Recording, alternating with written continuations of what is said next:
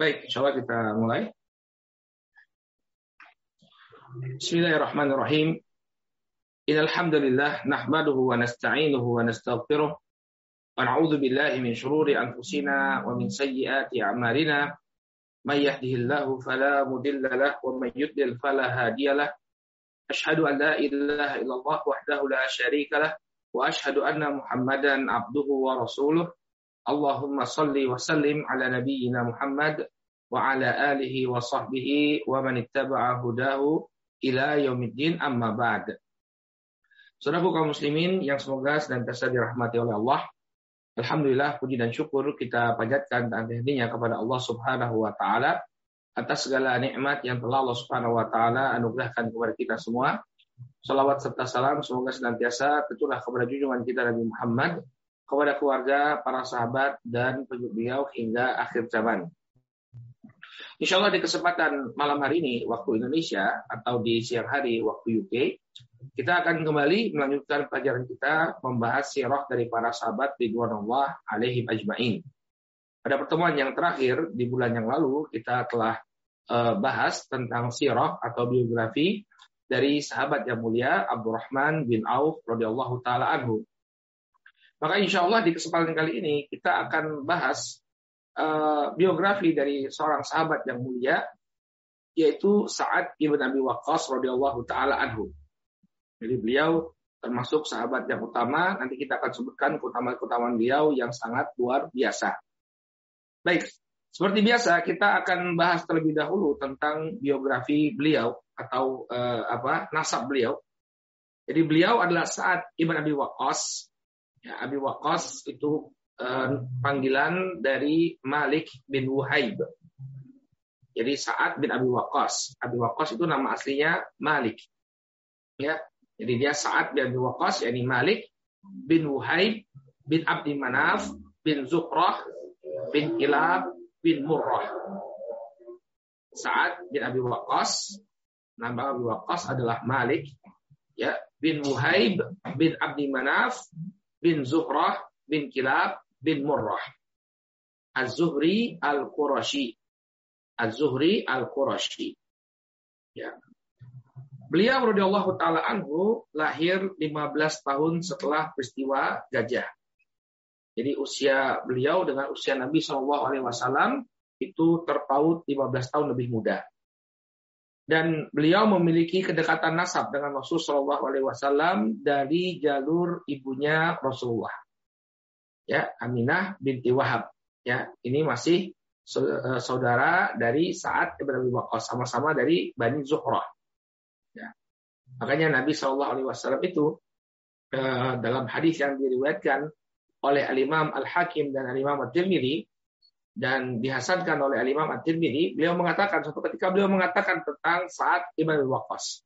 Hada khali. Ya, saat Ibn Waqqas ini kedudukannya masih apa? Pamanku dari sebelah ibu. Khal itu adalah paman dari sebelah sebelah ibu. Ya.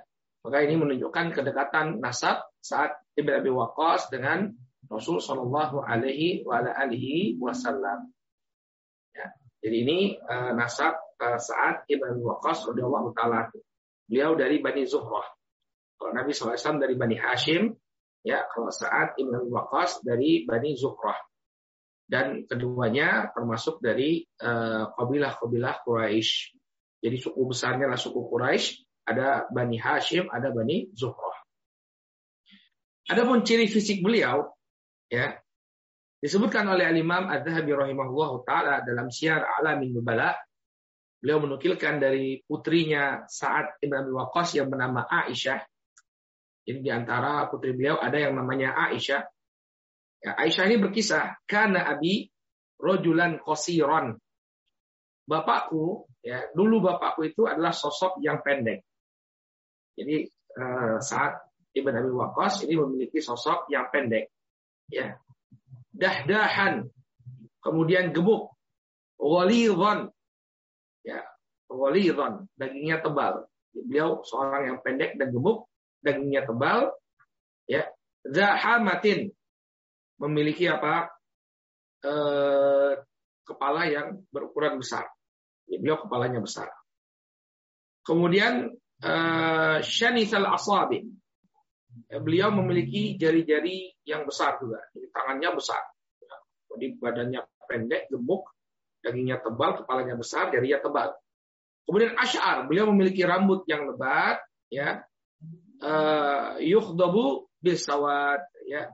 Rambutnya disemir dengan warna kehitaman. Bukan warna yang hitam, karena ini dilarang oleh Nabi SAW, tapi warna yang gelap. Bukan hitam, tapi dia uh, beliau uh, menyemirnya dengan warna yang gelap. Ya, mungkin coklat tua atau yang semisalnya.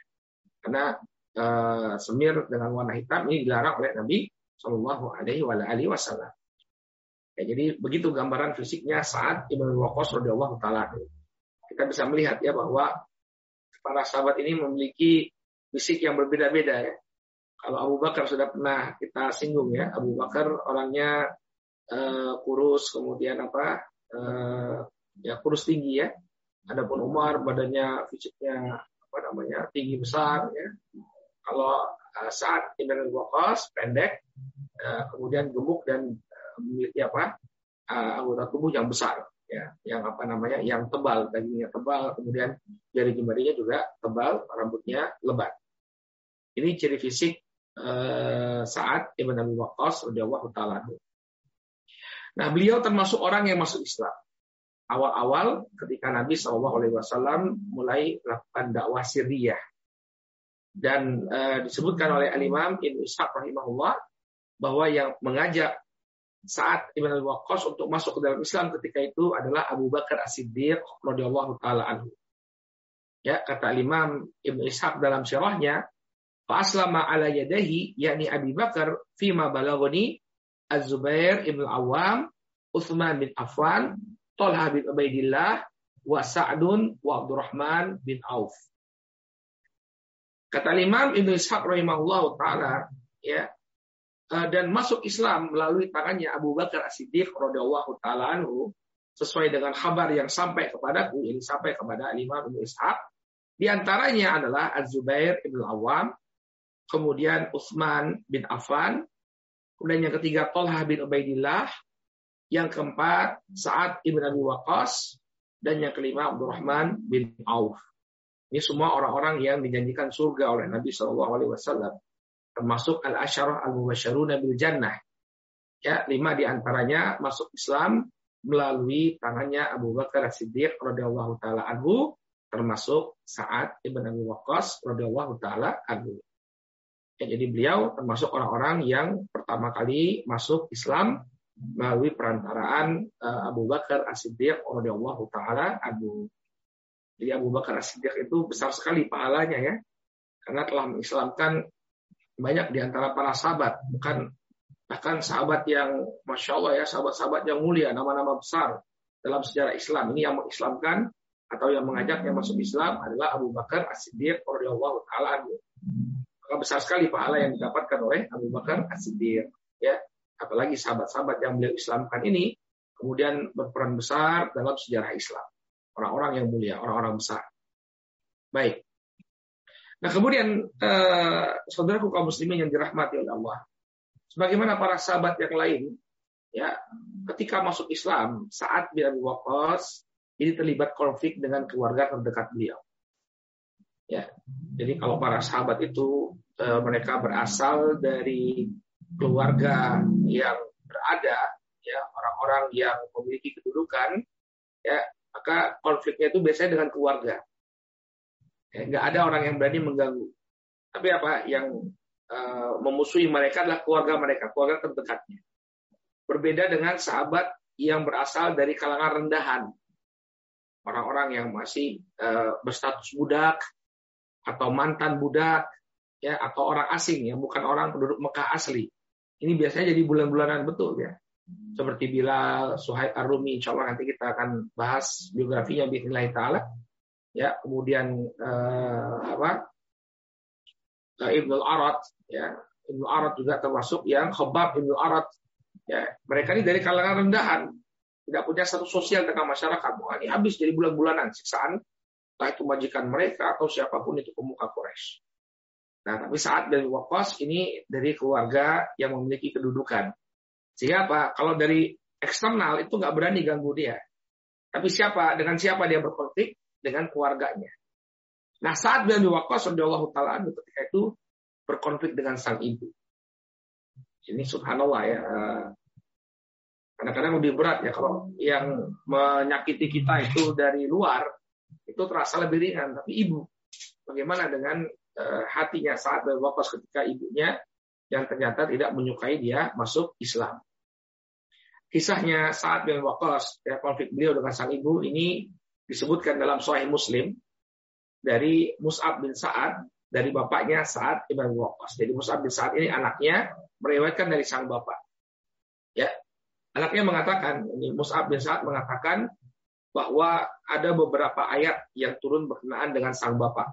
Ya, dengan bapak saya yang berkenaan dengan bapak saya ada beberapa ayat yang turun. Kemudian bapak saya pernah cerita, ya halafat hummu Sa'ad an la tukallimuhu abadan hatta yakfura bi dinihi wala ta'kula wala tashrab. Ibunya Sa'ad Ibn Waqqas itu bersumpah dia tidak akan berbicara kepada siapa pun sampai saat mau keluar dari keislamannya. Jadi ibunya bersumpah ya uh, untuk apa? Untuk tidak makan, uh, tidak berbicara dengan siapa pun Kemudian wala takul wala tashrab. Dia nggak mau makan, nggak mau minum. Sampai saat keluar dari agama Islam. Ya. Qalat za'amta anna Allah wasaka biwalidaik wa ana ummuka wa ana amruka bihada. Ya, maka ibunya mengatakan, saat sesungguhnya Allah telah mewasiatkan kepadamu untuk berbuat baik kepada kedua orang tuamu. Wa ana ummuk. Aku ini adalah ibumu wahai saat dan aku perintahkan engkau untuk keluar dari agama. Ya, jadi dia mengatakan ya Allah tuh berwasiat untuk berbuat baik kepada orang tua.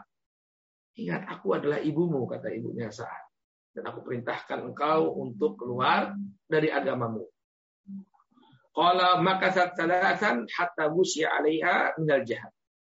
Maka kemudian eh, apa eh, saat tetap bersikeras sampai tiga hari kemudian ibunya pun uh, jatuh pingsan karena tidak apa tidak makan tidak minum maka dia pun jatuh pingsan selama tiga hari tidak makan tidak minum akhirnya dia pun jatuh pingsan Faqama ibnun laha yuqalu lahu umarah fasaqaha faja'alat tad'u ala sa'ad.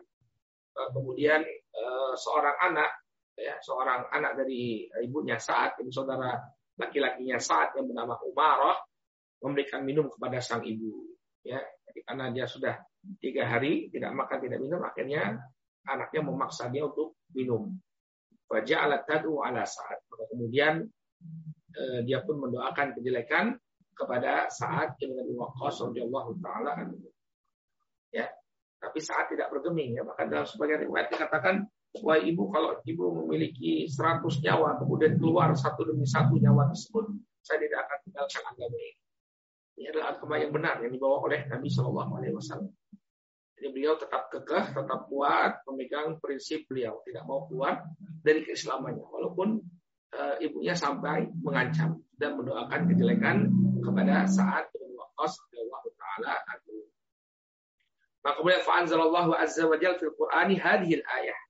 Maka kemudian kata saat Ibn Waqqas ya karena kasusku dengan ibu maka turunlah beberapa ayat di dalam Al-Qur'an. Di antaranya adalah firman Allah Subhanahu wa taala dalam surat Al-Ankabut ayat yang ke-8. Wa wasainal insana biwalidayni husna. Ya, dan kami wasiatkan kepada manusia untuk berbuat baik kepada kedua orang tuanya. Ya. Benar kita apa? Diperintahkan untuk berbuat baik kepada kedua orang tua. Wa in jahadaka kemudian ayat yang turun selanjutnya adalah surat Luqman. Wa in jahadaka ala an tusyrika bi ma laysa laka bihi fala tuti'huma. Ya. Kemudian turun firman Allah Subhanahu wa taala apabila mereka memaksaku, eh, memaksamu untuk menyentuhkan aku dengan sesuatu yang kau tidak memiliki ilmu tentangnya, ya, maka jangan patuhi keduanya. Ya, kalau orang tua memang kita diperintahkan untuk berbuat baik kepada kedua orang tua. Tapi kalau orang tua memerintahkan kita untuk melakukan perbuatan kufur, ya, atau perbuatan maksiat, maka eh, fala tuti'huma. Janganlah kemudian engkau mentaati keduanya.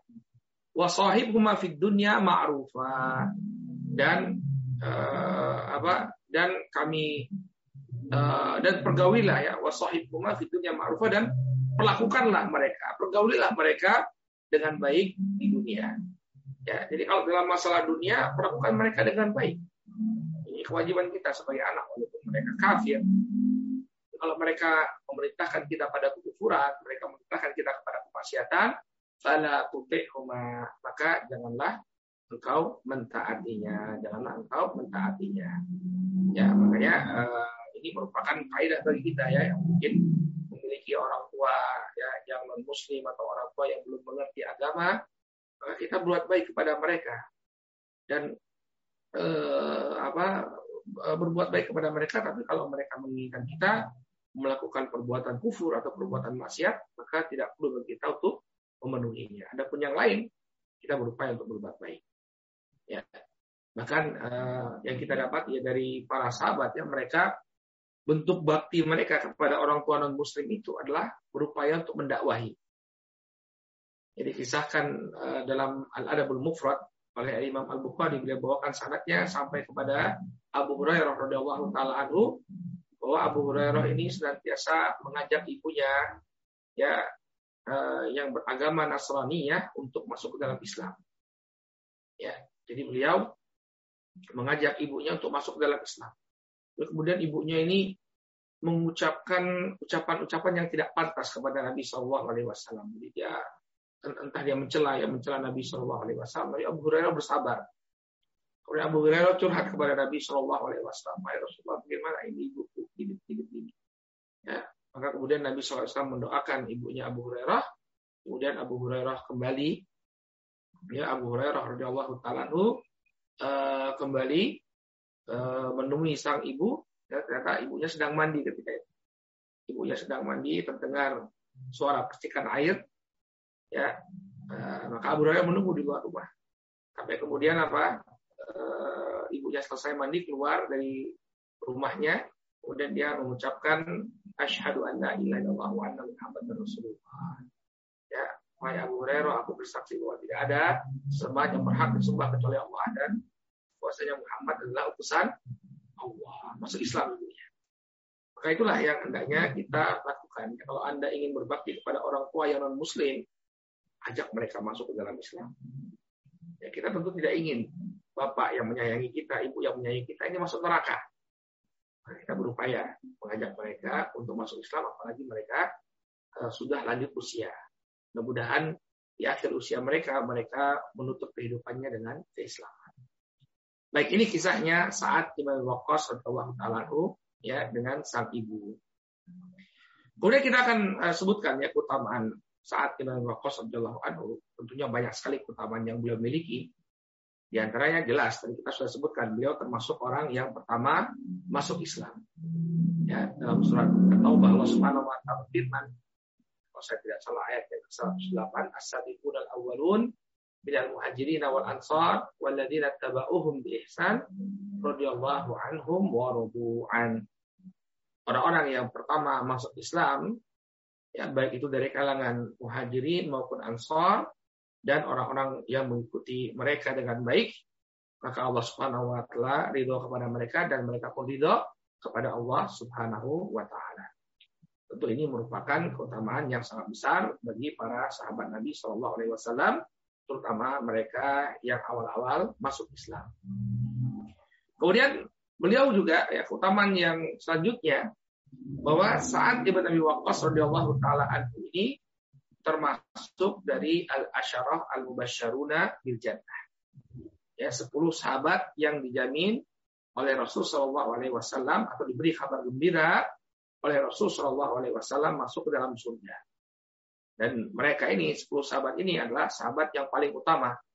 Ya, eh, tobakat yang paling tinggi di antara para sahabat ya adalah al-asyarah al-mubasyaruna bil jannah termasuk dalamnya para khulafaur rasyidin Ya, dalam hadis yang diriwayatkan oleh Imam Tirmidzi, hadis yang sangat masyhur dari Abdurrahman bin Auf radhiyallahu taala anhu, Nabi SAW menyebutkan nama mereka secara berurutan. Ya, Abu Bakar fil jannah, Umar fil jannah, Utsman fil jannah, Ali fil jannah, Kemudian Tolhah fil jannah. Az-Zubair fil jannah. Abdurrahman bin Auf fil jannah. Sa'dun fil jannah. Sa'idun fil jannah. Wa Abu Ubaidah bin Jarrah fil jannah. Ini 10 sahabat yang dijamin masuk surga. Sebutkan namanya secara berurutan oleh Nabi Shallallahu Alaihi Wasallam. Abu Bakar, Umar, Utsman, Ali, Talha, Zubair, Abdurrahman bin Auf, Sa'ad bin Abi Sa'id bin Zaid, dan juga Abu Ubaidah ibn Jarrah radhiyallahu taala anhum ajmain. Ini tentu menunjukkan mankobah kedudukan uh, Abdurrahman bin Auf yang sangat tinggi di mana beliau termasuk sahabat yang spesial yang disebutkan namanya uh, dalam apa dalam deretan sahabat-sahabat 10 sahabat yang masuk ke dalam surga. Ya bukan berarti sahabat yang lain masuk neraka ya, semuanya masuk surga. Cuma ada spesial ya. Mereka ini spesial. Namanya disebutkan secara beriringan oleh Nabi Shallallahu Alaihi Wasallam. Baik, kemudian di antara keutamaan uh, saat Ibn Abi Waqqas radhiyallahu taala anhu ya beliau dikenal dengan keberanian beliau. Ya, dari masa Nabi Shallallahu alaihi wasallam sampai kemudian di masa para khulafaur rasyidin saat Ibn Abi Waqqas ini dikenal dengan keberaniannya. Disebutkan oleh Al-Imam Ibnu Jauzi dalam Usudul Ghabah beliau menukilkan dari Said bin Jubair rahimahullah taala Said bin Jubair mengatakan kana maqamu Abi Bakar wa Umar wa Utsman wa Ali wa Talha wa Zubair wa Sa'ad wa Abdurrahman bin Auf wa Sa'id bin Zaid kanu amama Rasul sallallahu alaihi wasallam fil qital wa wara'ahu fis shalah. Dahulu posisinya Abu Bakar, Umar, Utsman, Ali, Talha, Az-Zubair, Sa'ad, dan Abdurrahman bin Auf serta Sa'id bin Zaid mereka senantiasa berada di hadapan Nabi Alaihi Wasallam dalam peperangan dan di belakang beliau alaihi wasallam di dalam sholat mereka. Jadi ketika sholat mereka menjadi makmumnya Nabi Alaihi Wasallam. Tapi ketika dalam medan pertempuran mereka di depan Nabi menjadi benteng yang melindungi Rasulullah Shallallahu Alaihi Wasallam. Dan tidaklah ini dilakukan melainkan oleh sosok-sosok yang pemberani. Mereka berani mempertaruhkan nyawa mereka untuk melindungi Nabi Shallallahu Alaihi Wasallam. Oleh karena itulah, ya ketika Umar bin Khattab radhiyallahu taala anhu uh, ingin melanjutkan penaklukan terhadap Irak, ya, jadi penaklukan terhadap Irak ini sempat terhenti di masa Abu Bakar As-Siddiq, ya, pernah dilakukan penyerangan ke Irak. Ketika itu Irak termasuk bagian dari Imperium Persia. Nah di masa Abu Bakar As-Siddiq eh, penyerangan ke Irak ini tertunda. Karena Abu Bakar As-Siddiq fokus ke negeri Syam. Maka di masa Umar bin Khattab radhiyallahu anhu kembali.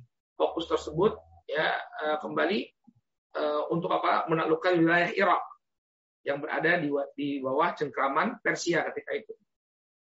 Maka ketika itu awalnya Umar bin Khattab ingin memimpin sendiri penyerangan ke Irak tapi ditahan oleh para sahabat. Jangan, ya, kamu Amirul Mukminin, kamu tuh khalifah. Jangan turun ke lapangan, tapi tunjuk salah seorang untuk memimpin pasukan. Disebutkan oleh Al-Imam Ibnu Katsir rahimahullah dalam Al-Bidayah wa Nihayah ketika itu Abdurrahman bin Auf memberikan masukan kepada Umar. Hai Umar, jangan jangan pergi ke medan perang. Tetaplah engkau di kota Madinah sebagai Amirul Mukminin, sebagai khalifah. Nah, kemudian Umar bertanya kepada Abdurrahman bin Auf, Faman taro an nab'atha ilal Iraq.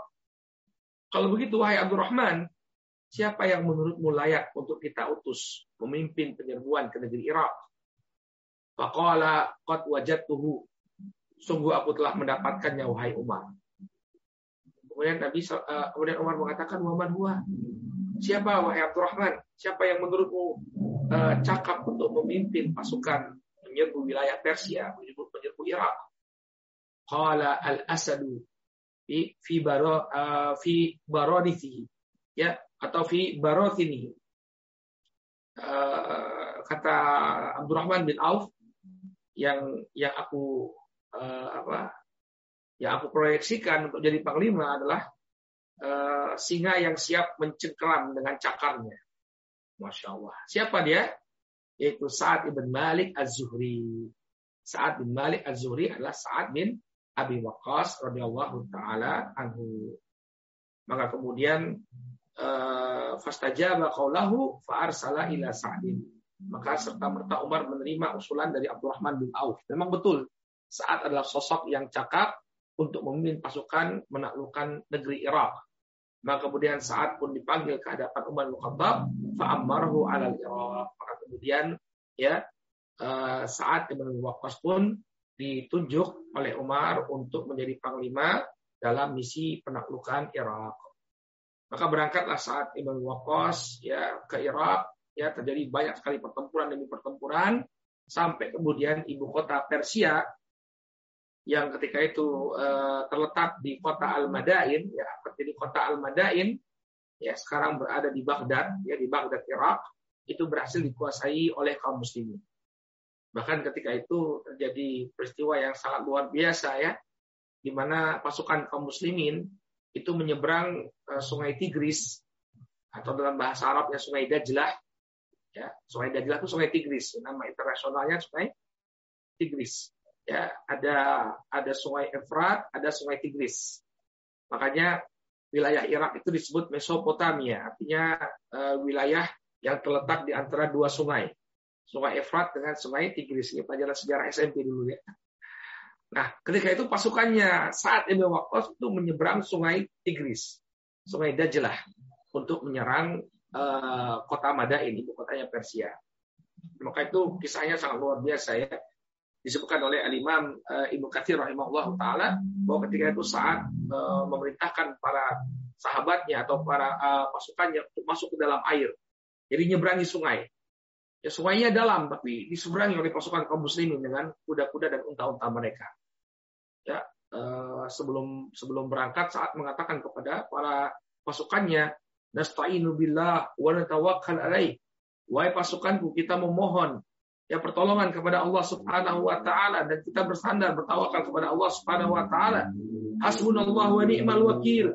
Cukuplah bagi kita Allah Subhanahu wa taala dan Dia adalah sebaik-baik penolong wala haula wala quwata illa billah dan tidak ada daya dan upaya kecuali dengan pertolongan Allah Subhanahu wa taala. Maka masuklah pasukan saat Ibn Abi Waqqas ke dalam sungai dan ketika itu disebutkan oleh Imam Nukathir rahimahullah taala bahwa mereka berjalan di atas air sebagaimana mereka berjalan di daratan. Jadi tidak memudaratkan mereka sama sekali dalamnya sungai Tigris ketika itu. Ya, akhirnya mereka menyeberang ya atau sebelumnya saat mengirimkan pasukan perintis terlebih dahulu yang mengusir pasukan Persia yang menjaga pinggiran sungai. Setelah itu baru semuanya menyusul. Sampai kemudian kota Al-Madain, ibu kota Persia, ya benar-benar dikuasai oleh kaum muslimin sehingga mereka mendapatkan ghanimah yang sangat besar. Ya, uh, apa antum bisa lihat itu ya, bisa Google itu uh, Al-Madain ya, coba lihat Al-Madain. Sampai sekarang runtuhannya masih ada ya, orang Romawi bilangnya atau orang Barat bilangnya Setifon, Setifon, ya, ibu kota Persia zaman zaman dahulu.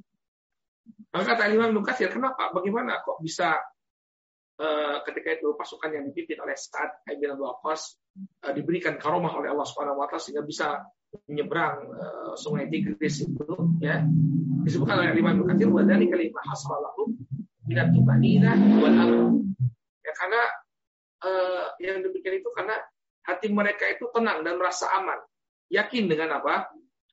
Al-wusik ya uh, al-wusuk bi amrillahi wa wa'dihi wa nasrihi wa, wa. Mereka merasa aman dan tenang dan yakin sekali ya kokoh keyakinan mereka terhadap pertolongan Allah Subhanahu wa taala bahwa Allah akan memberikan pertolongan dan bantuan kepada mereka. Jadi eh, kenapa mereka bisa menyeberangi sungai tersebut? Ya karena kekokohan yakinnya mereka dengan pertolongan Allah Subhanahu wa taala. Jadi ini yang akan menolong kita ketika kita yakin dengan pertolongan Allah, insya Allah Allah akan turunkan pertolongan. Kemudian kata Alimah Mukathir, faktor yang kedua, kenapa pasukan kaum muslimin bisa diberikan karomah oleh Allah Subhanahu wa taala? Wali anna amirahum Sa'ad ibn Abi Waqqas ahadul asyara al-masyhud lahum bil jannah. Kemudian eh, faktor yang lain pemimpin mereka yaitu saat Ibn Abi Waqqas radhiyallahu taala adalah salah satu dari sepuluh sahabat yang menjanjikan uh, masuk surga. Waktu via Rasul Shallallahu Alaihi Wasallam rodin. Ketika Nabi Shallallahu Alaihi Wasallam meninggal dunia, tidaklah Nabi meninggal dunia, mereka ridho kepada saat Ibn Abi Waqqas radhiyallahu anhu. Wada'alahu dan dia adalah sosok yang didoakan kebaikan oleh Rasul Shallallahu Alaihi Wasallam. Jadi Nabi Shallallahu Alaihi Wasallam pernah berdoa mendoakan kebaikan untuk Sa'ad ibn Abi Waqqas. Apa doanya? Allahumma ajib da'watahu wasaddid ramyatah. Ya Allah kabulkanlah doa-doanya Sa'ad dan uh, jadikanlah uh, anak panahnya tepat mengenai sasaran. Ya, tepat mengenai sasaran. Ini doa Nabi Wasallam untuk saat ibn Abi. Ya, makanya uh, beliau berhasil memimpin uh, pasukan kaum muslimin untuk apa? Untuk uh, apa? menguasai negeri Irak. Bahkan setelah Al-Madain diambil alih oleh kaum muslimin, penaklukan negeri Irak ini berlanjut. Ya, penaklukan terhadap Persia ini berlanjut sampai kemudian runtuhlah uh, Imperium Persia yang telah berusia ratusan tahun. Ya, karena serangan yang dilakukan oleh saat Ibrahim Waqqas radhiyallahu taala anhu. Maka sangat luar biasa jasa saat Ibrahim Waqqas dan juga keberanian beliau dalam membela Islam. Baik. Kemudian di antara keutamaan eh, saat Ibrahim Waqqas radhiyallahu taala anhu eh, beliau memiliki sifat yang dermawan. Jadi kisahnya itu, saudara kaum muslimin yang dirahmati oleh Allah, saat ini pernah ditimpa sebuah sakit, ya, uh, pernah ditimpa sebuah penyakit yang beliau mengira bahwa uh, penyakit beliau ini akan menyebabkan kematian. Nah, sebelum beliau meninggal dunia ketika itu beliau merasa bahwa Pak ini saya sakit parah, sakit keras. Ya sudah, harta yang saya miliki saya wasiatkan. Ingin beliau sodakohkan. Ya, ketika itu dia ingin mensodakohkan dua per tiga hartanya. Jadi eh, ketika itu beliau hanya memiliki satu orang anak perempuan saja. Waktu itu ya, waktu itu dia punya anak satu anak perempuan saja. Nah, maka dia akan berikan anak perempuannya ini sepertiga, kemudian dua pertiganya mau disodakohkan maka dilarang saat Ibrahim Waqqas oleh uh, Nabi Shallallahu Alaihi Wasallam. Ini menunjukkan kedermawanan beliau. Ya, dia ingin mewariskan dua atau uh, mewasiatkan dua per tiga hartanya untuk disedekahkan. Disebutkan dalam Sahih Al Bukhari dan Muslim, ya saat Ibrahim Waqqas bercerita, Ja'ani Rasul Shallallahu Alaihi Wasallam yauduni amma hajatil wada min wajain ishtaddabi. Suatu ketika Rasul Shallallahu Alaihi Wasallam menjengukku pada tahun terjadinya Hajatul Wada, haji perpisahan. Berarti ini di ujung-ujung usianya Nabi Shallallahu Alaihi Wasallam. Min wajain dari Ketika itu aku ditimpa penyakit yang demikian keras. Fakultu ya Rasulullah, ini qad balagha bi minal wajai ma tara wa ana malin wala yarithuni illa ibnatun illa ibnatun li Afa tasaddaqu bi thulutsai mali? Wahai Rasulullah, sesungguhnya aku telah ditimpa penyakit sebagaimana yang kau lihat, ya sakit parah. Dan wa ana malin dan aku adalah orang yang memiliki harta. Wala yarithuni illa ibnatun li dan tidak ada seorang pun yang mewarisi hartaku kecuali hanya seorang putri. Ya, jadi beliau hanya punya satu orang putri ketika itu, ya. Afa tasaddaqu bi thulutsai mali? Boleh enggak wahai Rasulullah? kalau aku sodakohkan dua per tiga hartaku. Ya, jadi dua per tiga hartanya ingin beliau sodakohkan. Halala. Maka Nabi SAW mengatakan nggak boleh. Kultu fa, fasyatru ya Rasulullah. Bagaimana kalau separuhnya wahai Rasulullah? Boleh nggak? Halala. Nabi SAW mengatakan tidak boleh. Kultu fathuluthu ya Rasulullah. Bagaimana kalau sepertiga wahai Rasulullah? Qala as-sulusu fas-sulusu katsir. Ya, kalau sepertiga boleh dan sepertiga itu sudah cukup banyak untuk menjadi wasiat. Ya, jadi sedekah dengan sepertiga hartamu yang demikian itu sudah uh, apa? Yang demikian merupakan jumlah yang cukup cukup besar. Ya. Nah, ini sih kita bisa melihat bagaimana kedermawanan saat Ibn Abi Waqqas. Asalnya beliau ingin mensedekahkan berapa? Ya, uh, dua per tiga hartanya dua per tiga hartanya ingin dia sedekahkan. Tapi kemudian eh, apa? Eh, ketika Nabi tidak mengizinkan, turun lagi separuh hartanya. Kemudian Nabi SAW tidak mengizinkan, barulah beliau kemudian mensedekahkan sepertiga hartanya dan sepertiga itu ya adalah eh, bagian yang sangat sangat besar, bagian yang sangat besar. Baik, ini kedermawanan saat Ibn Abi Waqqas radhiyallahu taala anhu. Kemudian di antara keutamaan saat Ibn Abi Waqqas radhiyallahu anhu, saudara kaum muslimin yang semoga dirahmati oleh Allah Subhanahu wa taala. Tadi sebenarnya sudah sempat kita singgung bahwa beliau adalah sosok yang doanya itu dikabulkan oleh Allah Subhanahu wa taala. Jadi saat ini punya keutamaan ya doanya itu dikabulkan oleh Allah Subhanahu wa taala. Makanya orang-orang itu khawatir sekali kalau saat mendoakan kejelekan. Kalau ada orang yang zalim, Kemudian saat mengangkat tangannya itu orang-orang udah ketakutan. Kenapa? Karena doanya dikabulkan oleh Allah Subhanahu wa taala.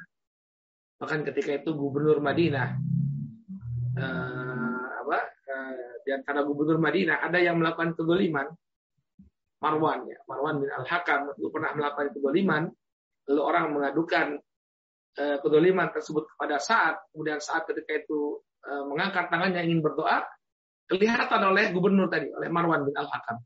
Maka kemudian Marwan bin Al-Hakam segera mendekati saat yang didoakan, yang didoakan. Ada masalah apa ini? Ada kedoliman. Ya, baik, kita bereskan, kita bereskan. Orang khawatir. Kenapa? Karena saat Ibn Abi Waqqas ini memiliki doa yang diijabahi oleh Allah Subhanahu wa taala. Kenapa beliau memiliki doa yang diijabahi oleh Allah Subhanahu wa taala? Ini tidak lepas dari doanya Rasul sallallahu alaihi wasallam. Ya, ajib tahu. Ya Allah kabulkanlah setiap doa yang dipanjatkan oleh Sa'ad Ibn Abi Waqqas radhiyallahu taala anhu. Ya. Maka Sa'ad Ibn Abi Waqqas radhiyallahu anhu dikenal dengan eh, terkabulnya doa beliau. Bahkan ketika ada yang memfitnah Sa'ad, ya, ada orang yang melakukan fitnah terhadap sosok Sa'ad Ibn Waqqas ketika beliau menjabat sebagai gubernur Kufah. Maka orang tersebut didoakan oleh Sa'ad Ibn Abi Waqqas dan doanya dikabulkan oleh Allah Subhanahu wa taala, doa keburukan ya. Jadi boleh ya kita uh, mendoakan keburukan kepada orang yang menzolimi kita. Ya. Sehingga orang-orang yang berbuat zolim ini jangan merasa aman dengan kezolimannya. Boleh ya mendoakan keburukan kepada orang yang berbuat zolim. Dan ini dilakukan oleh Sa'ad ibn Abi Waqqas radhiyallahu taala Jadi terkadang pemberian maaf itu tidak selalu tepat. Ya, apalagi kalau orang ini diberikan maaf, dia akan semakin berbuat kezoliman. Maka untuk menghentikan kezolimannya adalah didoakan dengan doa keburukan. Didoakan dengan doa keburukan. Dan ini dilakukan oleh saat Ibn Abi Waqqas dan sebagian sahabat. Ya. Ada di antara mereka yang difitnah, dizolimi. Mereka mendoakan keburukan bagi orang-orang yang berbuat jahat kepada mereka. Ya, makanya eh, maaf itu tidak selalu eh, tepat ya untuk diberikan. Kadang-kadang ada uh, hal yang lain yang lebih tepat untuk kita lakukan di antaranya adalah mendoakan kejelekan kepada orang-orang yang berbuat zalim. Ya. Makanya saya uh, pernah dengar ceramah ya tanya jawab begitu di sebuah ceramah ada orang yang berbuat kezoliman kemudian dia minta maaf kepada orang yang menzolimi dia tapi orang yang menzolimi dia ini tidak mau memaafkan maka dia bertanya kepada Ustadz Ustadz, gimana ini saya sudah minta maaf pada si. Memang saya dulu melakukan perbuatan zalim. Ya. Tapi saya minta maaf, orangnya tidak mau memaafkan saya. Ini bagaimana? Maka Ustadz tersebut mengatakan, e, dia yang salah, dia yang berdosa karena tidak mau memaafkan. Nah, ini keliru ya. Memaafkan atau tidak itu hak kita yang zalim. Boleh bagi kita untuk memaafkan, boleh bagi kita untuk tidak memaafkan. Itu hak kita. Kalau kita ingin bawa ini ke pengadilan akhirat, boleh-boleh saja. Maka orang yang berlaku kedoliman, hendaknya dia selesaikan itu di dunia. Benar dia minta maaf. Tapi kalau misalnya tidak diberikan maaf tersebut, dia terus berupaya. Ya, dia terus berupaya ya untuk meminta maaf, mungkin memberikan hadiah agar orang itu menjadi uh, lembut hatinya dan mau memberikan maaf itu yang harus dilakukan. Dan kemudian pokoknya saya sudah minta maaf ya sudah. Enggak. Tapi dia harus berupaya terus bagaimana caranya agar uh, orang itu benar-benar tulus memaafkan. Kasih hadiah, uh, kemudian kita puji-puji dia ya dengan kebaikan agar keluar kata maaf. Tapi kalau tidak mau memaafkan, maka ini akan dibawa ke akhirat. Dibawa ke akhirat. Atau orang tersebut bisa saja mendoakan uh, kejelekan kepada orang yang memfitnah dia atau melakukan kalimat dan itu nanti akan Allah balas. Ya, hati-hati makanya fattaku dakwah madlum.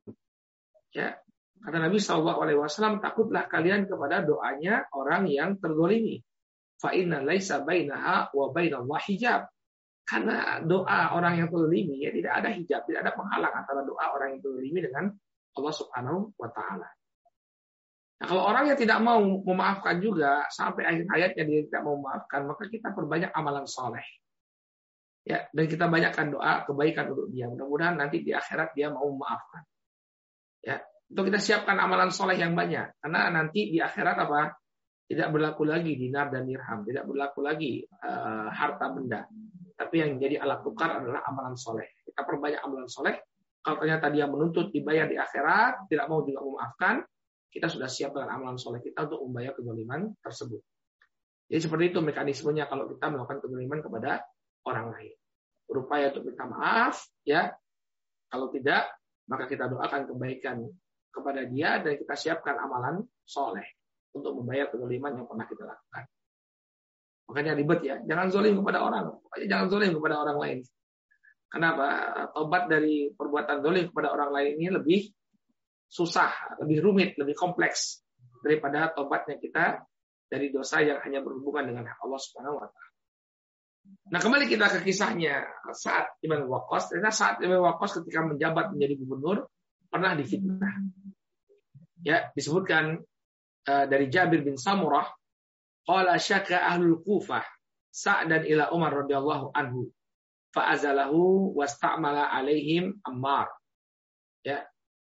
Suatu ketika uh, penduduk Kufah mengadukan saat Ibn Waqqas kepada Umar radhiyallahu anhu ya ada sekelompok orang yang terprovokasi kemudian mengadukan saat Waqqas, meminta agar saat ini diturunkan dari jabatannya sebagai gubernur.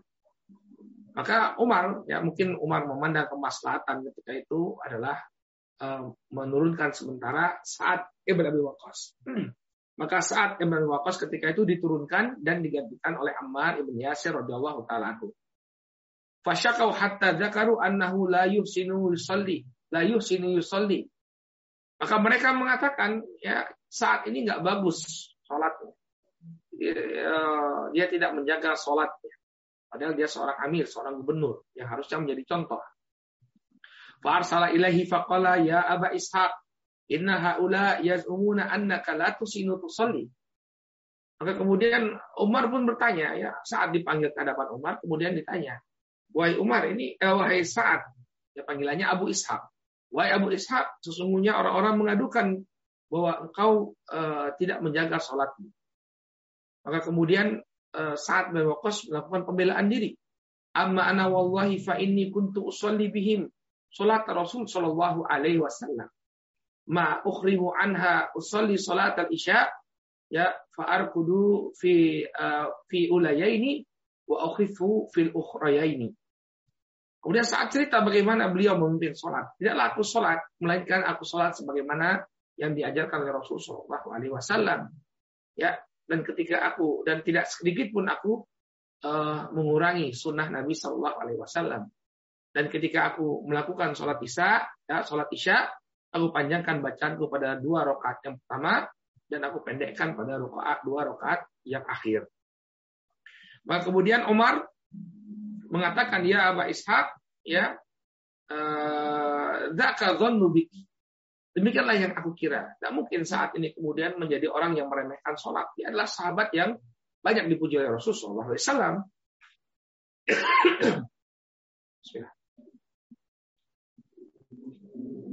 Maka kemudian eh, Umar mengirimkan utusan untuk menyelidiki, menyelidiki tentang uh, apa yang sebenarnya terjadi di kota Kufah.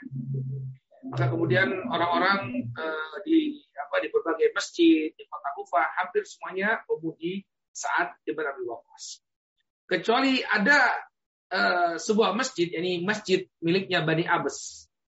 Ya, di sana ada seseorang yang bernama Usama bin Qatadah yang dikenal dengan Abu Sa'dah atau Abu Sa'adah atau Abu Sa'dah ya.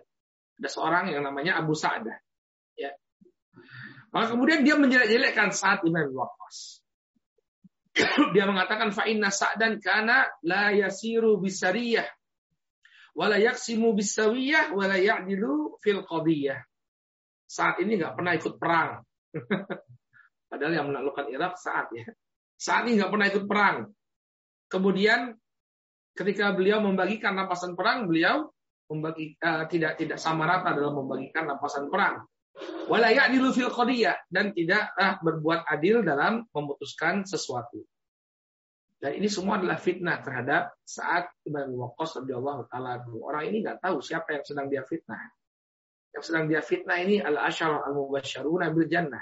Salah seorang dari sepuluh sahabat yang dijamin oleh Rasul Shallallahu Alaihi Wasallam masuk surga.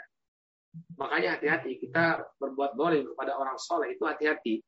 Ya sudah kita dolimi dia, dia orang soleh lagi ya. Kalau dia angkat tangannya berdoa kepada Allah Subhanahu Wa Taala, maka apa yang menghalangi Allah Subhanahu Wa Taala untuk mengabulkan? Hati-hati ya berbuat kedoliman kepada orang-orang yang dekat dengan Allah Subhanahu Wa Taala, orang-orang soleh yang bertakwa. Maka saat kemudian mendoakan tiga perkara, tiga kejelekan untuk orang yang telah memfitnah beliau. Faqala Sa'dun amma wallahi ya la ad'uwanna bi thalath. Aku akan doakan tiga kejelekan untuk orang ini.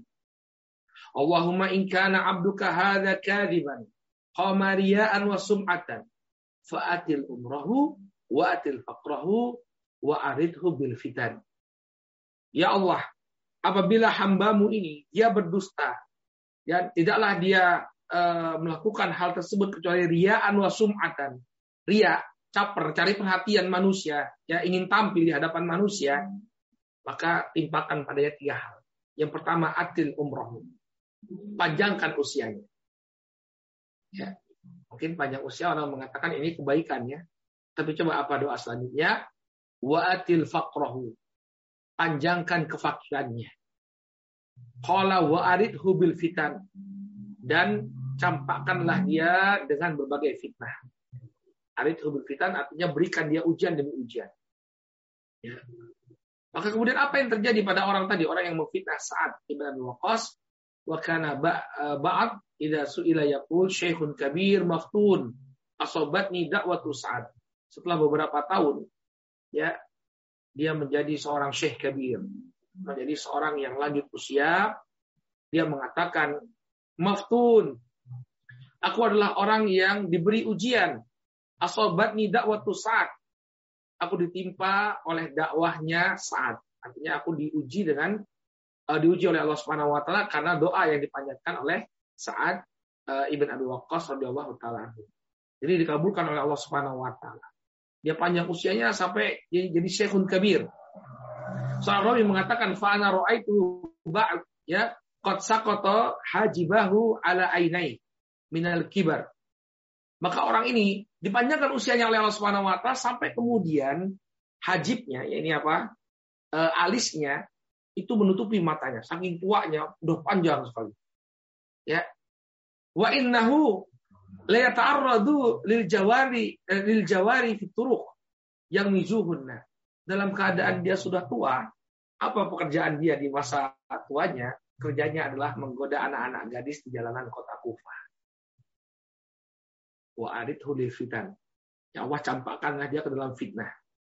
Ya, orang yang sudah tua harusnya terhindar dari perbuatan hina seperti ini, godain anak-anak gadis ya.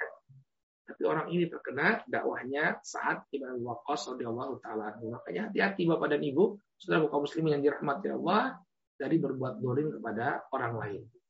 Ya, di masa kita sekarang ya keboliman itu sangat mudah dilakukan di medsos. Di medsos dengan mudah orang eh, apa menghukumi saudaranya sebagai alul bid'ah, menghukumi saudaranya sebagai eh, apa golongan sesat, ya Kadang-kadang karena berbeda sedikit dengan buruknya langsung dihukumi, langsung dipasang di status. Ini kedoliman, ya. Ini suatu kedoliman. Uh, menjatuhkan kehormatan sebagian uh, apa saudaranya di media sosial, ya. Maka ini kedoliman, takutlah kita. Bagaimana kalau orang yang kita dolimi itu mengangkat tangannya di sepertiga malam terakhir, kemudian dia mendoakan kejelekan kepada kita yang telah menjatuhkan kehormatan. Apa yang menghalangi Allah Subhanahu wa taala untuk mengabulkan doa tersebut? Ada tiga doa yang tidak ditolak oleh Allah Subhanahu wa taala. Satu salah satunya adalah dakwatul madlum, doa orang yang terzalimi. Maka hati-hati dari mendolimi orang. Jaga lisan kita, jaga jari jemari kita, hati-hati. Ya, apalagi itu kita lakukan di, di medsos. Ya, apalagi yang kita dijatuhkan kehormatannya orang-orang yang soleh, orang-orang yang bertakwa, orang-orang yang, yang dekat dengan Allah Subhanahu wa taala. Nanti kejadiannya sama seperti kejadian orang yang memfitnah saat Ibn Abi Waqqas radhiyallahu taala anhu. Kemudian di antara keutamaan saat Ibn Abi Waqqas radhiyallahu taala anhu, ya udah hampir satu jam nih kajian kita, bahwa di antara keutamaan beliau ini satu hal yang spesial dari saat Ibn Abi Waqqas. Ketika terjadi uh, konflik di tengah-tengah para sahabat atau perselisihan di tengah-tengah mereka, saat bin Waqqas bin Abi Waqqas tidak mau ikut-ikutan sama sekali. Ya, ketika terjadi uh, pembunuhan terhadap Utsman bin Affan, mulailah konflik itu terjadi ya antara uh, Ali bin Abi Thalib dengan Aisyah, Talha dan Zubair saat. Kemudian juga terjadi perang Siffin antara Ali dengan Muawiyah radhiyallahu taala saat Ibn Abi Waqqas radhiyallahu taala tidak ikut-ikutan. Lalu sebagian riwayat dikatakan, wahai saat, kenapa kamu tidak ikut-ikutan? Ya, beliau mengatakan ya sambil sambil membawa pedangnya atau beliau mengatakan ya bahwa pedang ini pedang ini diperuntukkan untuk mengalirkan darah orang-orang kafir, bukan mengalirkan darah sesama muslim. Jadi kalau beliau diajak berjihad seperti yang beliau lakukan terhadap orang-orang Persia, orang-orang Majusi, beliau dengan senang hati akan ikut. Tapi ketika konflik itu terjadi di antara sama muslim, ya beliau tidak mau untuk ikut. Makanya ada sebagian orang ketika itu di kota Madinah ya yang bermimpi bertemu dengan Rasul Shallallahu Alaihi Wasallam kemudian Rasul Shallallahu Alaihi Wasallam mengatakan alangkah baiknya apabila mereka mengikuti jejaknya saat maka kemudian dikabarkanlah e, mimpi ini kepada saat Ibn Waqqas dan beliau merasa bahagia ternyata langkah yang beliau lakukan dengan tidak ikut-ikutan masuk ke dalam konflik dan persisian di antara para sahabat adalah langkah yang tepat. langkah yang tepat. Jadi beliau tidak eh, apa tidak terlibat sama sekali dengan konflik yang terjadi di tengah-tengah para sahabat. Dan itu perang Jamal, perang Sifin, kemudian tahkim, tahkim juga antara uh, Muawiyah dan juga Ali bin Thalib ya beliau juga tidak mengikuti itu itu semua. Nah, kemudian saat pun menjalani waktu uh, kehidupan beliau sampai kemudian beliau uh, menjadi sahabat yang terakhir kali meninggal dunia dari al-asyarah al-mubasyarun Nabi Jannah dari 10 sahabat yang dijanjikan masuk surga. Subhanallah. Jadi dari 10 orang tadi yang kita sebutkan namanya dari Abu Bakar sampai Abu Baidah bin Jarrah itu yang terakhir kali meninggal dunia adalah saat Ibn Abi Waqqas radhiyallahu taala anhu. Ya, beliau meninggal dunia pada tahun 55 Hijriah, ini pendapat yang paling kuat dalam usia 87 tahun. Nah, ketika meninggal dunia, ya beliau uh, meminta agar dikafani ya dikafani dengan pakaian yang beliau pakai uh, ketika memerangi musuh di perang Badar. Jadi beliau termasuk sahabat Badri. Nah, ini juga keutamaan saat Ibn Waqqas ya beliau termasuk sahabat yang ikut perang dalam perang Badar. Di mana Allah Subhanahu wa taala mengatakan kepada ahlul badar, "I'malu masyitum lakum." Ya lakukan apa yang kalian inginkan karena aku telah ampuni kalian. Artinya dosa-dosa orang para sahabat yang ikut perang Badar diampuni oleh Allah Subhanahu wa taala. Dan termasuk padanya adalah uh, saat Ibn Abi Waqqas radhiyallahu taala. Uh, kemudian ketika akan meninggal dunia saat berpesan ya kafinuni fiha fa inilah kitu fiha al musyrikina yauma badrin. Maka dia mengatakan kepada uh, orang-orang sebelum dia meninggal dunia, kalau aku meninggal dunia, tolong kafankan aku dengan kain ini. Karena sesungguhnya dahulu Eh, dengan pakaian inilah aku berhadapan dengan kaum musyrikin di perang di perang Badar. Jadi beliau dikafani dengan kain yang beliau pakai ketika berperang bersama Rasul Shallallahu Alaihi Wasallam dalam pertempuran Badar. Maka kemudian beliau pun meninggal dunia di usia 87 tahun radhiyallahu taala anhu. Baik. Uh, ini mungkin yang bisa kita sampaikan uh, saudara kaum muslimin yang dirahmati oleh Allah Subhanahu wa taala sekelumit biografi dari sahabat yang mulia saat Ibn Waqqas radhiyallahu taala banyak sekali keteladanan yang bisa kita dapatkan dari beliau ya bagaimana kokohnya beliau memegang kebenaran berpegang teguh dengan Islam walaupun harus berhadapan dengan sang ibu kemudian keberanian beliau untuk berperang menegakkan Islam supaya agama Allah Subhanahu wa taala. Demikian juga eh, apa demikian juga kedermawanan beliau di mana beliau ingin mensodakohkan dua per tiga hartanya sampai kemudian eh, begitu berhati-hatinya beliau tidak mau ikut serta dalam konflik yang terjadi di tengah-tengah para sahabat ketika itu. Ya, mudah-mudahan apa yang kita sampaikan bermanfaat dan semoga kita bisa uh, mencontoh keteladanan yang diberikan oleh sahabat yang mulia ya saat Ibnu Abi Waqqas radhiyallahu taala anhu. Ya. Baik. Mungkin cukup sekian uh, kami kembalikan lagi. Siapa ini artinya? Ya ini saya Ustaz. Ya, kalau khair Ustaz atas um, sirah dari sahabat Sa'ad bin Abi Waqqas mungkin yang paling kemungkinan besar atau mungkin pasti ya yang kita nggak bisa contoh itu yang doanya dikabulkan oleh Allah Subhanahu Wa Taala ya Ustaz. Masya Allah. Itu Nabi Sallallahu yang kasih kabar. ya itu yang kayaknya nggak kayaknya ya nggak bisa kita tiru ya Ustaz ya. Mungkin itu. Sebenarnya bisa juga kalau kita berupaya kan ada beberapa hal yang perlu kita perhatikan kalau ingin menjadi orang yang dikabulkan doanya oleh Allah Subhanahu wa taala. Yang pertama ya kita jadi orang yang dekat ya. Dekat dengan Allah Subhanahu wa taala, menjaga batasan Allah Subhanahu wa taala, kemudian menjaga jangan sampai masuk eh, apa yang Allah haramkan ke dalam perut kita, ya. Jadi bisa juga kita jadi eh, sosok yang dikabulkan doanya oleh Allah Subhanahu wa taala. Kalau terpenuhi syarat-syaratnya insya Allah. Ya. Amin. Baik Ustaz, um, ini mungkin kita masuk ke sesi tanya jawab. Silahkan. Ini uh, ada kebetulan masuk baru pertanyaan yang on topic Ustaz. Mohon tunggu sebentar Ustaz. Um, ini saya, mungkin saya bacakan pertanyaannya dulu. Assalamualaikum Pak Ustadz. Waktu saya ke waktu saya ke Guangzhou, Cina, kami dibawa ke makam dan masjid yang didirikan oleh almarhum Sa'ad bin Abi Waqqas. Ada iya. brosur ya. yang menjelaskan. Betulkah almarhum wafat di Cina? Tidak, yang benar beliau uh, tidak wafat di Cina ya, tapi wafat di kota Madinah kalau saya tidak salah ya. Jadi nggak benar itu ada uh, apa makamnya saat Ibn Waqqas di Cina. Ya, ini sudah pernah saya teliti dan uh, saat Ibn Waqqas itu tidak meninggal di Cina ya, tapi bahkan beliau dimakamkan oleh keluarganya. Jadi kalau nggak di kota Madinah ya ya di sekitar daerah Timur Tengah lah, bukan di Cina sana. Ya, jadi nggak benar uh, yang mengatakan bahwa saat Ibn Waqqas diwafatkan di Cina. Ya. Itu Ustaz yang kemungkinan kemungkinan besar jadi yang di Cina itu ada sahabat yang dimakamkan di sana gitu Ustaz? Allah taala alam. Jadi eh, apakah para sahabat itu sampai eh, bertemu dengan eh, apa dengan peradaban Cina ketika itu saya kira enggak ya.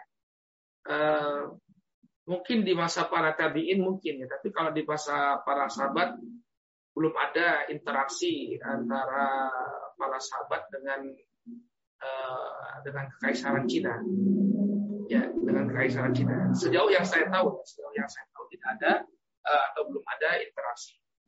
Ya, jadi kalau mungkin masa tabiin mungkin ya karena waktu itu memang perluasan Islam itu sudah uh, sampai ke daerah Sin. Daerah Sin, Sin itu Pakistan. Ya, kalau daerah Sin ya seperti sampai itu mungkin ada interaksi dan waktu itu bertepatan dengan uh, berkuasanya dinasti Tang Ya, jadi masanya para tabiin itu uh, sama dengan masa berkuasanya dinasti Tang. Ya, tapi kalau dari sahabat sejauh yang saya tahu uh, belum ada interaksi dengan Cina ketika itu. Ya, belum ada interaksi dengan Cina ketika ketika itu. Makanya hadis uh, utlubul ilma walau bisin uh, carilah ilmu walaupun sampai ke negeri Cina ini hadis yang lemah ya. Hadis yang lemah bahkan la asalah tidak ada asalnya. Ya, tidak ada interaksi uh, dengan Cina sampai Nabi SAW mengatakan dalam hadis Allah Taala. Ya. Baik, Ustaz. Untuk pertanyaan berikutnya ini mungkin tadi terkait dengan yang pernyataan saya tadi, Ustaz. Uh, bagaimana caranya agar doa terkabul nih Ustaz? Tadi yang Ustaz bilang mendekatkan diri dan mengikuti cara-cara untuk uh, berdoa ya Ustaz ya. Baik, ya. Jadi bagaimana caranya agar doa kita terkabul? Yang pertama kita mendekatkan diri kepada Allah Subhanahu wa taala.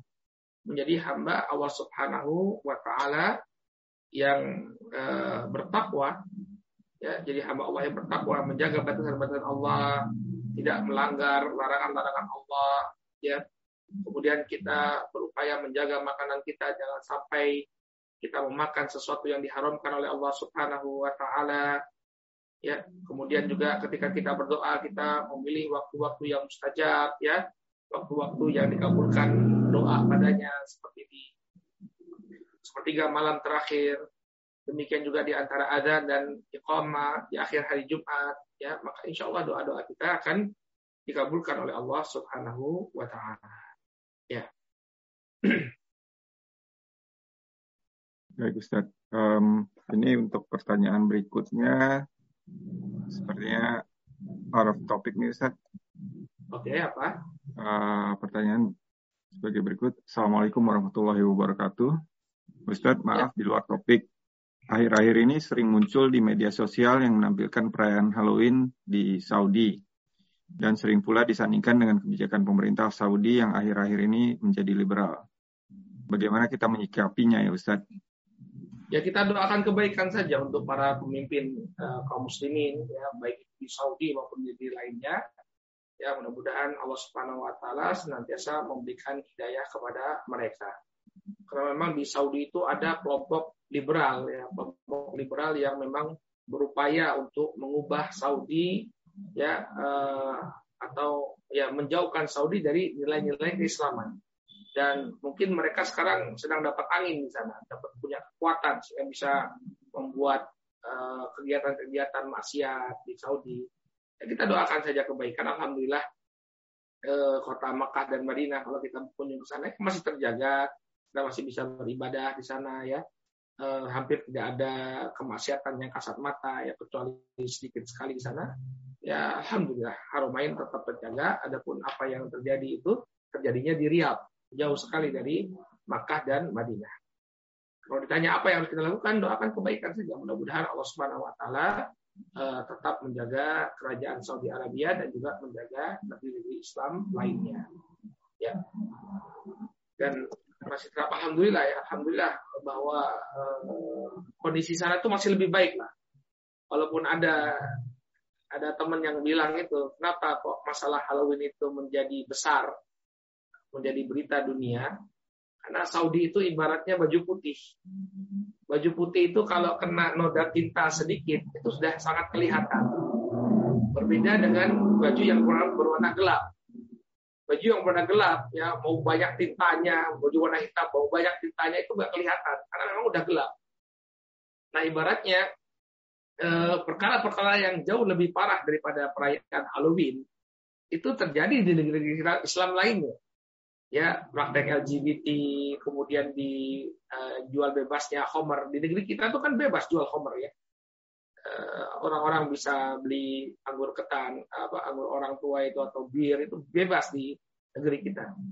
Ya, maka karena banyaknya kemaksiatan, jadi nggak kelihatan lagi kemaksiatan itu dianggap hal yang biasa di negeri kita. Tapi di Saudi yang putih tadi, sehingga ada beberapa orang pakai baju topeng, pakai topeng Halloween, cuma di satu komunitas sebenarnya. Itu kan di Riyadh Session ya, cuma di situ saja. Ya kemudian di foto-foto, foto-foto, foto-foto sebar. Nah, begitulah gambaran Saudi Arabia. Dan masih banyak lagi kebaikan yang ada di sana dan kita selalu berdoa yang mudah-mudahan itu Allah menjaga uh, kerajaan Saudi Arabia dan negeri-negeri Islam lainnya. Allah taala alam. Ya. Baik, Um, mungkin ini uh, kepada yang ikut kajian mau ada yang bertanya langsung mungkin. Tadi Pak Rasid mungkin Pak. Pak Rasid. Ya, baik. Uh, Jazakallah khair, uh, Mas Roland. Baik, eh, Afwan Ustaz ini di luar topik nih Ustaz. Uh, saya kan ah, akhir ini sholat Jumat di dekat masih dekat rumah nih Ustaz. Ya. Masih dekat rumah ini biasanya sih ya aman-aman aja ya saya dalam uh, apa setiap Jumatan atau terawih di sana nggak ada masalah. Tapi beberapa hari beberapa kali gitu uh, imamnya ini uh, kalau khutbah itu menyampaikan bahwa jika antum keluar dari eh, antum jika antum melakukan dosa besar maka antum out of the fold of Islam. Jadi dalam artian Anda sudah keluar dari Islam. Misalkan kemarin ini baru khutbah misalnya tentang wanita yang tidak berjilbab. Lalu ada juga tentang uh, tidak berpuasa. Maka jika itu dilakukan maka Anda keluar dari Islam. Pertanyaan saya pertama mungkin apakah itu benar atau tidak. Yang kedua, kalau misalnya kita apakah saya harus cari masjid lain Ustaz atau di situ aja untuk sholat Jumat dan sholat-sholat eh, fardu lainnya boleh nggak Gimana? Itu imamnya nggak nggak diganti-ganti, dia terus yang megang masjid. Kalau eh, kalau di sini kebanyakan begitu Ustaz. Jadi imam itu cuma satu aja. Jadi eh, apa appointed appointed eh, imam. Jadi nggak nggak pernah ganti Ustaz. By who? Sama arti, sama pemilik apa pengat uh, bukan pemilik apa ya pengurus masjidnya jadi cuman oh. boleh uh, pemahaman tersebut tentu keliru ya mengkafirkan orang karena melakukan perbuatan dosa ini bukan uh, tidak berlandaskan pada akidah alusunah wal jamaah ya Baik. jadi dalam akidah alusunah wal jamaah mereka tidak mengkafirkan pelaku dosa besar kecuali apabila pelaku dosa besar tersebut menganggap hal tersebut halal jadi menghalalkan hmm. apa yang diharamkan oleh Allah Subhanahu wa taala ini sebuah kekufuran. Tapi kalau dia hmm. terjatuh eh, pada perbuatan dosa besar, maka tidak serta-merta eh, membuat dia jatuh kepada kekufuran. Ya, hmm. hanya seorang wanita tidak berhijab kafir. Nah, enggak, enggak benar ini. Enggak ada ulama yang mengatakan wanita enggak pakai jilbab itu keluar dari keislamannya, tidak. Ya. Maka eh, pemahaman yang disampaikan oleh imam tersebut adalah pemahaman yang keliru. Kalau hmm. uh, bisa Pak Rosid bisa berdialog dengan sang imam, mengupakan argumen-argumen, ya nukilan-nukilan dari para ulama al-sunnah, maka silakan. Ya mudah-mudahan dia dapat hidayah dan tersadar dari keduanya. Tapi kalau misalnya tidak, ya tidak mengapa, cari masjid yang lain saja. Karena uh, dia memiliki pemahaman yang keliru. Saya khawatir orang ini terpengaruh uh, pemahaman khawarij yang mengkafirkan ya. para pelaku dosa besar. Masjidnya dari Oman bukan? Kalau eh, bukan. Kalau pengurusnya sih pengurusnya kebanyakan dari Bangladesh dan Pakistan, Ustaz. Uh, imamnya sendiri keturunan Pakistan, British born Pakistani, Ustaz. Hmm, Pakistani ya. Iya. Jadi tapi ya begitulah Ustaz. Ini kayaknya biasanya sih nggak ada masalah Ustaz dalam artian khutbah-khutbahnya hampir sama lah kita Eh, nggak uh, ada nggak ada nggak ada hal seperti ini. Cuman ada beberapa kali saya ikut Jumat itu uh, apa namanya ya itu yang jilbab, yang tidak berpuasa selama sebulan penuh tidak berpuasa gitu dengan sengaja itu langsung udah keluar Islam dari out of fold of Islam gitu. Jadi kekhawatiran saya kalau saya terus di situ dan anak-anak saya juga ikut sholat di situ nanti kalau mereka salah salah mengerti ya, susah saya. Ya, ya ya menjaga keselamatan pikiran itu uh, ya. hal yang penting. Maka kalau misalnya bisa dialog, entah itu dengan imamnya langsung atau berdialog dengan pengurus masjid, ya uh, saya mau dengan berbuaya seperti ini, apakah uh, benar apa yang disampaikan, maka itu lebih baik, jadi ada perbaikan. Baik. baik. Tapi kalau misalnya nggak bisa, jadi lebih baik uh, cari, cari masjid lain aja. Baik, baik. Menjaga, ya. Baik, baik. Jazakallah khair. Baik. Cukup? Ada lagi yang ditanyakan? Um, sepertinya pertanyaan yang masuk sudah segitu aja, Ustaz. Ah, baik. Kalau begitu, insya Allah kita cukupkan dulu sampai di sini ya, Pak Roland ya. Ya, di depan uh, kita akan bahas biografinya Said ibn Zaid. Nah, benar, Said ibn Zaid. Ya, ini termasuk uh, Asyara al-Muwasyaruna bil Jannah yang nomor 9 ya, Said ibn Zaid. Ini adik iparnya Umar ibn Khattab radhiyallahu taala anhu. Ya. Ini akan jadi pembahasan kita di pertemuan yang akan datang. Bismillah taala. Uh, siapa ini yang tutup? Silakan ditutup Pak Roland. Baik Ustaz, um, mungkin untuk menutup kajian kali ini, mari kita baca doa kafaratul majelis. Subhanaka Allahumma wa bihamdika asyhadu an la ilaha illa anta astaghfiruka wa atubu ilaik. Alhamdulillahirabbil alamin. Jazakallahu khair Ustaz atas waktu dan ilmunya. Semoga kajian kali ini bermanfaat bagi kita semua. Dan untuk menyimak kembali kajian kali ini dan kajian-kajian sebelumnya, silahkan kunjungi YouTube kami di channel Rumah Rumah Dakwah UK.